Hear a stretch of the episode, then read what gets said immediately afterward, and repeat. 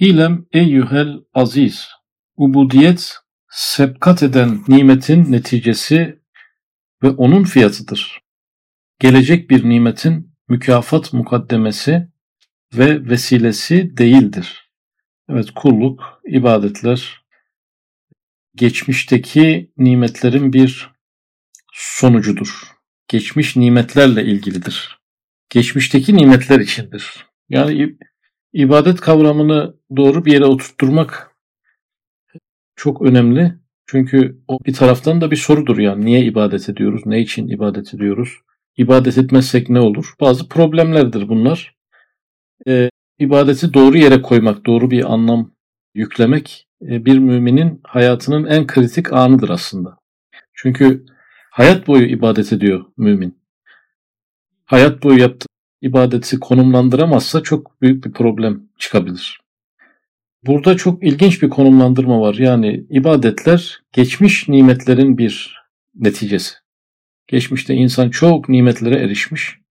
E, bunca nimete erişmenin tabi ve fıtri ve doğal neticesi ibadetle noktalanmasıdır. Yani ibadet aslında bir noktadır, nokta işareti. Önceki nimetleri bir cümle olarak düşünürsek ibadet onun noktası oluyor. Yani sayısız nimetlere erişmiş olan bir varlığın durduğu noktada bir karşılık vermesi gerekiyor ve o nimetleri bir neticelendirmesi gerekiyor. Acaba neyle neticelendirmesi gerekiyor? Kullukla, ibadetlerle ve onun fiyatıdır. Yani Cenab-ı Allah verdiği nimetler karşısında lazım gelen bedeli ortaya koymamış. insandan bunu istememiş. Yani verdiği nimetlerin hakkı olan bedeli insandan istememiş. Ama sonuç itibariyle bir bedel biçmiş. Basit bir bedel, hafif bir bedel, kolay bir bedel biçmiş. Burada biz fiyat kelimesiyle bunu karşılıyoruz. Yani bir ürünü satan satıcıyı düşünelim. Çok pahalı bir ürün de olsa onun satıcısı düşük bir ücret de belirlemişse sonuçta bizi o bedeli ödediğimizde o malın hırsızı olmaktan kurtarır bu yani. Elmas satıyordur ama 10 liraya satıyordur. Bu onu ilgilendirir. Yani bir elmas 10 liraya satılmaz. Ama değil mi ki malın hakiki sahibi o isterse de 10 liraya satar. Siz o 10 lirayı verdiğinizde malın e, fiyatını ödemiş olursunuz. İnsan da elmas değerinde pek çok nimetlere mazhar oluyor. Hakkını vermesi de mümkün değil. Cenab-ı Allah çok düşük bir bedel koymuş ortaya. E, ödenmesini istiyor bu bedelin. E, nasıl ki ücret alışverişten sonra gelir. Fiyat demesi nasıl ki malın tahsilatından sonradır ve son aşamadır, bir noktadır. Aynen öyle de insan ibadetleri kendisinden önceki nimetlerin fiyatıdır, bedelidir, ücretidir, karşılığıdır. Yetersiz bir karşılıktır, noksan bir karşılıktır ama olsun. Bu karşılık böyle belirlenmiş sonuç itibariyle. Onu ödememek, ibadeti yapmamak, bu bedeli ödemeden o nimetlerden faydalanmış olma anlamına gelir bedelsiz faydalanmış olma anlamına gelir. Gasp etmiş olma anlamına gelir. E, ve insanı hırsız duruma düşürür. Dolayısıyla ibadetleri bu noktaya konumlandıramazsak eğer, geçmişe bağlı bir konu olduğunu bilmezsek, zihnimiz bunu gelecekle ilişkilendirmeye başlar. Gelecekte biz bu sefer bazı karşılıklar bekleriz. Yani biz ibadet ediyoruz, bunun ne karşılığı var? Bunun ödülü nerede? Yaptığımız ibadetin mükafatını aramaya başlarız. Gelecekle ilişkilendirmek durumunda kalırız. Geçmişteki nimetler peki ne olacak? Yani ibadetlerimiz gelecekle ilgiliyse, bizi cennete götürüyorsa, e, bize mükafatlara vesile oluyorsa, peki geçmişteki nimetler karşısındaki bizim ortaya koyduğumuz e, çaba, emek, gayret nerede? O zaman hiç ortada kalmamış oluyor zaten. İnsan büyük bir e, nankör durumuna düşmüş oluyor. Nimetlerden istifade edip ama arkasına bakmadan giden bir nankör durumuna düşmüş oluyor. Gelecek bir nimetin mükafat mukaddemesi ve vesilesi değildir. Yani ubudiyet gelecek nimetlerle ilgili değildir. Gelecek ödülleri başlatan bir şey değildir. Gelecekteki mükafatların vesilesi durumunda olan bir e, etkinlik değildir. Ama öyle mi görünüyor? Öyle görünüyor. Yüzeysel bakılınca öyle görünüyor. Kur'an-ı Kerim yüze, yüzeysel okununca sanki insan ibadetleriyle cennete gidiyormuş gibi görünüyor. Oysa Kur'an-ı Kerim'i hepimizden, bütün insanlardan daha iyi anlamış olan Hazreti Peygamber aleyhisselam hiç kimse ameliyle cennete gidemez buyurmuş. Sen de mi ya Resulullah demişler. Evet Allah'ın ikramı, keremi fazla olmazsa ben de gidemem buyurmuş. Dolayısıyla o da bunu böyle konumlandırıyor aslında. Hazreti Peygamber aleyhisselam da böyle konumlandırıyor. Sabahlara kadar ayakları şişinceye kadar namaz kılınca Hazreti Ayşe validemiz senin geçmiş ve gelecek günahların hepsi affedildiği halde neden bu kadar kendine eziyet ediyorsun denildiğinde cennete giden bir kul olmayayım mı demiyor. Şükreden bir kul olmayayım diyor. Şükürle ilişkilendiriyor. Yani kendisine verilen nimetler bize verilenlerden elbette daha fazla. Mesela peygamberlik nimeti gibi ve son nebi olma nimeti gibi bütün insanlara verilenlerden daha fazla. O da bu fazlalığı fazla ibadetlerle, hepimizden fazla ibadet yaparak bir karşılık vermeye gayret etmiş. E, şükrünü eda için kulluğu e, değerlendirmiş. Dolayısıyla ibadetler geçmiş için midir, gelecek için midir? Geçmiş içindir. Geleceğimiz ne olacak? Gelecek ilgili beklentilerimiz de var. O konuda da rahat olalım. Yani o da Allah'ın ikramıdır. Geçmişe ibadetle karşılık veren ve nankörlükten kurtulan bu insanların geleceğini de Cenab-ı Allah zayi etmeyecek demektir. O kulluk ve ibadetlerin ihtimal dahilindeki gelecek mükafatları yerine daha büyük mükafatlar takdir edecektir. Bizim sandığımızın daha yukarısında olacaktır. Tabi geçmişte ne nimetler almışız ki böyle ibadetlerle karşılık vermek durumunda kalmışız. Onları sayacak şimdi. Mesela insanın en güzel bir surette yaratılışı, ubudiyeti iktiza eden sabık bir nimet olduğu ve sonra da imanın itasıyla kendisini sana tarif etmesi ubudiyeti iktiza eden sabık nimetlerdir. İki tane nimet saydı. Biri insanın güzel bir surette yaratılması. Yani iç organları, dış organları, ruhu, maneviyatı, kalbi, hisleri, aklı, e, bunları düşündüğümüzde çok büyük nimetler. E, bunlara karşılık bir ubudiyet gerekir, bir şükür gerekir. İkincisi de iman nimeti sayıldı. Yani Allah'ı bilmek, Allah'ı tanımak, Cenab-ı Allah'ın isim ve sıfatlarını anlayan bir varlık olmak. Bu ikisi iki tane büyük nimet. Bunlar ubudiyeti iktiza ediyor. Evet nasıl ki midenin itasıyla bütün matumat ita edilmiş gibi telakki ediliyor. Hayatın itasıyla da alemi şehadet müştemil bulunduğu nimetlerle beraber ita edilmiş gibi telakki ediliyor. Ve keza nefsi insaninin itasıyla bu mide için mülk ve melekut alemleri nimetler sofrası gibi kılınmıştır. Kezalik imanın itasıyla meskür sofralar ile beraber Esma-i Hüsna'da iddihar edilen defineleri de sofra olarak verilmiş oluyor. Nimetleri saydı bu sefer dört tane saydı. Mideden başladı. Yani mide insana midenin verilmesi adeta bütün gıdaların verilmesi gibi bir şeydir. Çünkü bütün gıdaların işlendiği yer, hepsine muhatap olunduğu yer insanın midesidir. Zaten mide var da gıdalar olmasa abes bir durum olur. Midenin verilmesi gıdaların da verileceği anlamına geliyor. İkinci nimet olarak hayat.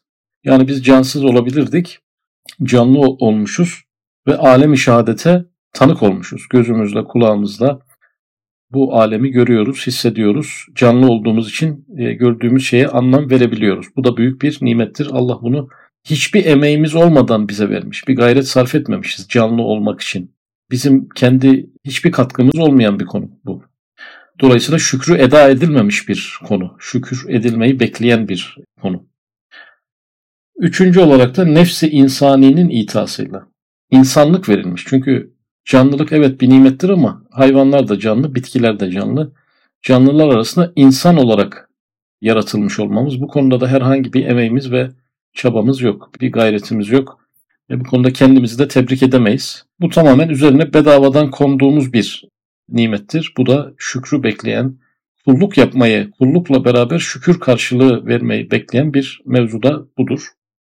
Dördüncü olarak da yine imanı saydı imanla beraber de bütün Esma-i Hüsna'nın hazinelerini tadabilme imkanı insana verilmiş. Yani var olmuşuz, yani nimetleri baştan saymak gerekirse var olmuşuz, büyük bir nimet. Var olduğumuz halde cansız olabilirdik ama canlı olmuşuz. Bu daha büyük bir nimet. Canlı olmamızla birlikte hayvan veya bitki yerine insan olmuşuz. Bu da büyük bir nimet. insan olmakla beraber mümin olmuşuz. Mümin olmama ihtimali de vardı Allah muhafaza. Bu daha büyük bir nimet. Çünkü mümin olmakla ebedi saadeti de kazanmış oluyoruz. Sadece dünya saadetini değil, ebedi saadeti de kazanmış oluyoruz. Dolayısıyla mümin olmakla ebedi saadetin, cennetin şükrünü de eda etmek durumunda kalmışız. Bunların hepsi bir karşılık ister, bir şükür karşılığı ister. Bu kadar fazla nimet alıp da bunun trilyonda biri kadar bir karşılığı kendisine yük gören, yüksünen, ağır gören, bu kadarını bile yapmayı düşünmeyen insan, yani üstadın çok yerlerde ifade ettiği gibi kendine insan diyen insan, kendine insan diyor. E, onu artık insan olarak da görmüyor. Sürekli almış, almış, almış, almış. Küçücük bir karşılıktan da yüksünmüş olmuş oluyor. Bu gibi ücretleri peşin aldıktan sonra devam ile hizmete mülazım olmak lazımdır. Hizmet amelden sonra verilen nimetler mahsa onun fazlındandır. Evet bu gibi ücretleri peşin aldıktan sonra insan peşin almış. Peşinci bir varlık. Yani hiçbir bedel ödemeden ön ödemeli avans nevinden bu büyük nimetleri almış. Peşin olarak almış. E bu kadar nimetleri peşin alınca devam ile hizmete mülazım olmak lazımdır. Artık mülazım ne demek? Bir işte sürekli çalışan. Artık bundan sonra şükür için işinde sürekli çalışan bir varlık olması gerekir. Hizmet amelden sonra verilen nimetler mahsa yani sırf onun fazlındandır. Evet hizmet ediyoruz, amel yapıyoruz, ibadet yapıyoruz. Geçmişle ilgilidir. Geçmişe yakışır. Geçmişteki nimetlerin karşılığı olarak biz bunları yaparız. Ama olur ya hizmet amelden sonra da nimetler yağmaya başlar. Bereketler yağmaya başlar. Ee, o zaman ne diyeceğiz? Mahsa onun fazlındandır. Allah'ın fazlındandır. Dünyada da verebilir, ahirette de verebilir. Vazifelerini yapan kuluna bir ikram suretinde vehbi bir tecelli olarak hani gönlümden koptu deriz ya. Yani bir patron çok iyi çalışan bir çalışanına zaten maaşları düz ödenmiştir ama ekstradan bir yıllık maaş daha verdiğini düşünün. Yani senin çalışmanın karşılığı değil ama senin sorumluluk e, duygusunu e, zinde tutmaya çalışmanın bir teşekkürü. Ben de sana bir teşekkür ediyorum. Yani görevini iyi yaptığın için mecbur olmadığım halde ben de sana bir ikramda bulunuyorum. Veya bir padişahın bir askere böyle bir şey yaptığını düşünelim. Vazifesini doğru ve güzel yapan e, bir askere vazifesinin karşılığı olarak değil, maaş olarak değil. Sadece ondan olan rızasını ona belirtmek için ondan razı olduğunu ona daha e, etkin bir şekilde anlatmak için ona büyük bir mükafat verdiğini düşünelim. Bazen de böyle oluyor. Ama fazla ilahidir, ibadetlerimin ve hizmetlerimin karşılığıdır diye düşünülmez. Ve lakin biz bu risaleleri okurken böyle bir müjdeyle de bereketle de karşılaşıyoruz. E, Risale-i Nur'ların 5 tane dünyevi faydası var diyor Üstad. Bunlardan birisi bereket. İmam Şafii de ilim talebesinin rızkına ben kefilim demiş. Bu konularla uğraşan kişilere gerçekten çok değişik bereketler yağdığına şahit oluyoruz. E, bunlar işte bu okumaların bir karşılığı değildir. Allah'ın özel bir ikramıdır. Bu konulara Cenab-ı Allah'ın razı olduğu konularla meşguliyetin verdiği bir teşvik olsun diye Cenab-ı Allah'ın fazladan verdiği şeylerdir. Yani ibadetlerle ve hizmetlerle ve bu okumalarla aslında doğrudan bir alakası yoktur. Cenab-ı Allah'ın takdir ettiği özel lütuflardır. Bunlar da normaldir. Ama hiçbir zaman hizmetimin karşılığıdır denilmez. Çünkü karşılığı olarak gelirse ahiretteki mükafatından yeme e, ihtimali var. Bugünkü ilk metnimiz buydu. İkinci metne atlıyoruz. İlem eyyühel aziz. Cenab-ı Hakk'ın günahkarları affetmesi fazıldır. Bugün fazıl kelimesi üzerinden gittik. Fazla Türkçedeki fazla kelimesi aynı kökten ekstradan manasında yani. Cenab-ı Hakk'ın günahları affetmesi fazıldır. Ne demek? Aslında tabii bir süreç değildir. Özel bir ikramdır. Günahkarların affedilmesi diye bir tecelli bir adalet tecellisi değildir. Bu ekstradan, fazladan bir tecellidir. Cenab-ı Allah'ın mecbur olmadığı halde yaptığı bir şeydir. Veya affedilen insanların esasta bunu hak ettiklerinden dolayı olan bir şey değildir. Cenab-ı Allah'tan dolayı olan bir şeydir. Cenab-ı Hakk'ın günahkarları affetmesi fazıldır. Tazip etmesi adıldır. Yani eğer e, azap ederse, günah karşısında azap ederse bu bir adalet olur. Ama affederse bu bir fazl olur. Yani e, nasıl ki cennet fazlı ilahidir demiştik. Cehennem adlı ilahidir diyoruz. Cehennem bir adalet alanıdır. Ama cennet bir adalet alanı değildir. Cennet bir ikram-ı ilahi e, alanıdır. Burada günahkarları da düşününce Cenab-ı Allah günahkarları affetmek zorunda olmadığı halde affederse bu fazla ilahidir. Yani bu ekstradan bir şeydir ama azap ederse günahları karşılığında ki Kur'an-ı Kerim hassasiyetle e, günahların, suçların, kötülüklerin karşılığının ancak o kötülük kadar olacağını vurguluyor. E, daha fazla olmayacağını hassasiyetle vurguluyor. Bire birdir. Yani bire iki değildir. Yani birlik suça ikilik ceza olmayacağını Cenab-ı Allah e, Kur'an-ı Kerim'de vurgulamıştır. Ama konu iyiliklere gelince 1'e 10, 1'e 100, 1'e 1000, 1'e 7000 olabileceğini söylemiştir. Yani iyiliklerin, hasenelerin e, mükafatları dilediği gibidir Cenab-ı Allah. Ve bu hediyedir yani. Mesela bir, bire biri bir evet adalettir. Yani bir iyiliğe karşılık bir iyilik yapmak adalet olur. Ama bire 10 veriyor en az. O 9 tanesi nedir? Biz buna adalet diyemeyiz. Çünkü birine bire 10 verecek, birine bire 100 verecek. Bir kişi diye, diyebilir ki ya Rabbi benim amelim 10 ile çarpılmış, yanımdaki kardeşiminki 100 ile çarpılmış. Haksızlık. Fakat hediyelerde haksızlık diye bir şey olmaz. Çünkü hak edilen bir şey yok ki zaten. Yani bir kişi geliyor gönlünden kopan hediyelerden bir kişiye bir tane vermiş, bir diğer kişiye iki tane vermiş. Bir başkasına beş tane vermiş. Zaten hiç kimse onu hak etmiş değil ki. Bu tamamen hediye. Maaş dağıtmıyoruz, hediye dağıtıyoruz. Yani hediye kişinin gönlüne göre bir şeydir. Ve hediyelerden insanlar yargılanamazlar. Hediye alanlar da kendilerini birbirlerine kıyas edemezler. Çünkü zaten hak edilmemiş bir şey. Hakkı olmadığı halde gelen bir şey. O yüzden bunu hediye verenle ancak ilişkilendirebiliriz. Vehbi bir tecellidir. Cenab-ı Allah dilediğine dilediği kadar verdiği bir şeydir. Dolayısıyla Cenab-ı Allah'ın günahkarları affetmesi fazıldır. Yani bu garanti değildir birincisi. E, yaparsa bu fazıl olur. Tazip etmesi adıldır. Azap, azap ederse bir adalet uygulamış olur. Evet zehiri içen adam adetullah'a nazaran hastalığa, ölüme kesbi istihkak eder. Sonra hasta olursa adlıdır. Çünkü cezasını çeker.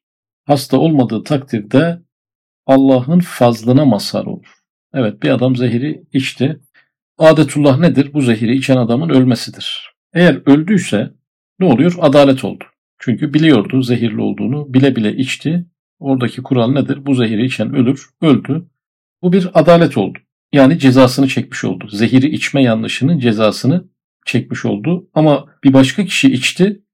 O da bile bile içti. Fakat ölmedi. Hayatta kaldı. O zaman ne diyeceğiz? Bu kişinin ayakta kalması da hayatta kalması da Cenab-ı Allah'ın fazlından dolayıdır. Adalet değil de fazlı ilahi. Mesela deprem e, gündemimiz olduğu için yani fay hatlarında şehirler var. E, ovalara, çürük zeminlere şehirler kurmuşuz ve yetersiz malzemelerle bina yapmışız. Burada bir deprem olduğu zaman biz o suçumuzun cezasını çekiyoruz. Yani başka suçlarımız da belki vardır ama bir de yanlış şehirleşmenin cezasını çekiyoruz. Ne oluyor? Adalete uğramış oluyoruz. Ama başka fay hatlarında memleketler var ki hiçbir şey olmamış. Yani orada da yetersiz malzemelerle evler var ama olmamış yani. Bu da Cenab-ı Allah'ın fazlıdır. Fazlını dilediğine verir, dilediği kadar verir, dilediği zaman vazgeçer. Yani garantili bir süreç değildir. Ama e, bir ikram ilahi yeryüzünde bence çok şehirlerde %99 oranında duruyor. Yani aynı koşullardaki şehirler yıkılmış olmasına rağmen aynı koşullardaki şehirlerde yaşam devam ediyor. O şehirlerde doğumundan ölümüne kadar deprem görmeden yaşayan pek çok insanlar olacaklar. O depreme denk gelmeyecekler. Gelebilirler miydi? Gelebilirlerdi ama Allah'ın bir ikramı olmuştur. Bir paratoner bir şey olmuştur. Bazı sadakalar, bazı emri bil maruf nehyanil münker çalışmaları, bazı iman hizmetleri, istikbal vaat eden manevi toplulukların varlığı sebebiyle bir hikmete binaen veya istidraç da olabilir. Allah korumuştur. Ama Allah korur diye düşünerek o adımlar atılırsa yanlış olur. Ama Cenab-ı Allah pek çok kez de koruyor diye bunu da bilmek lazım. Çünkü sanki her hata yapınca Cenab-ı Allah cezamızı veriyormuş gibi bir pozisyona düşmemek lazım. İnsanoğlu her suçunun cezasını çekseydi dünyada yeryüzünde yürüyen canlı kalmazdı buyuruyor Kur'an-ı Kerim. Çoğunu affederiz diyor. Zaman zaman arada bir suçlarının cezasını ortaya e, koyarız bazen diyor. Bu bazen oluyor. Öbür tecelli daha geniş. Yani hatalara rağmen affedilmesi daha çok oluyor. Masiyet ile azap arasında kavi bir münasebet vardır. Yani günahla ceza arasında güçlü bir bağlantı vardır. Hatta ehli itizal masiyet hakkında doğru yoldan udul ile masiyeti şerri Allah'a isnat etmedikleri gibi masiyetin üzerine tazibin de vacip olduğuna zehap etmişlerdir. Yani mutezile mezhebi şer konusunu ve günah konusunu Allah'a isnat etmemişler. Allah yaratmıyor demişler. Yani kötülükleri ve günahları Allah yaratmıyor. Kötülükleri ve günahların faili insandır. İnsan kendi fiillerinin sahibidir. Muhtar bir varlıktır. Allah'la alakası yoktur. E, kaderle bir alakası yok. Bugünlerde yaşanan olayda bu çok sık duyduğumuz cümlelerden birisi. Yani bu konunun hani kötü bir durum var ya ortada büyük bir felaket. Yani bu siz ey insanlar bütün suç size ait. Ne Allah'la ne kaderle alakası var. Kaderle ilişkilendirip suistimal etmeyin. Belki bu duyguyla bu söyleniyor suistimale uğramasın diye ama pek çok insan da bu mevzuyu bütün bütün kapatmış oluyor aslında. Ama ehli sünnet inancı öyle değil. Yani kötülükleri de e, günahları da yaratım vasfını üzerine almış olan Allah'tır. İnsan niyet eder cüz ihtiyarıyla bir kötülüğe, kötülüğü Allah yaratır.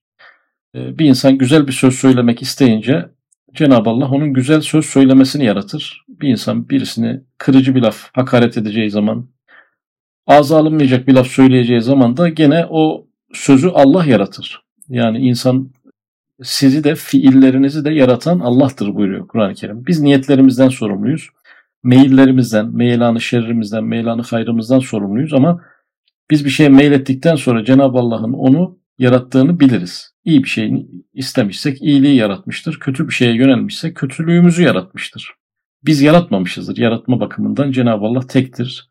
Tevhid inancımız bunu bize böyle söylüyor ama Mutezile böyle demiyor. Yani iyi fiiller Allah'ındır, ama kötülükleri Allah yaratmıyor. İnsan yaratıyor, insan yapıyor demişler.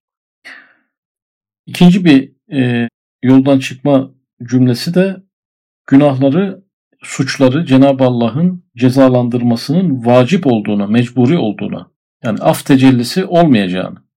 Bir de böyle bir şeye inanmışlar. Yani hem e, günahları Allah'ın yaratmadığını, suçları Allah'ın yaratmadığını, insanların kendi tercihleriyle tamamen kendilerine bağlı birer yaratım olduğunu söylüyor. Öyle olunca da Cenab-ı Allah'tan madem konunun bağlantısı koparılmış, sadece insan ve suçları kalıyor geriye.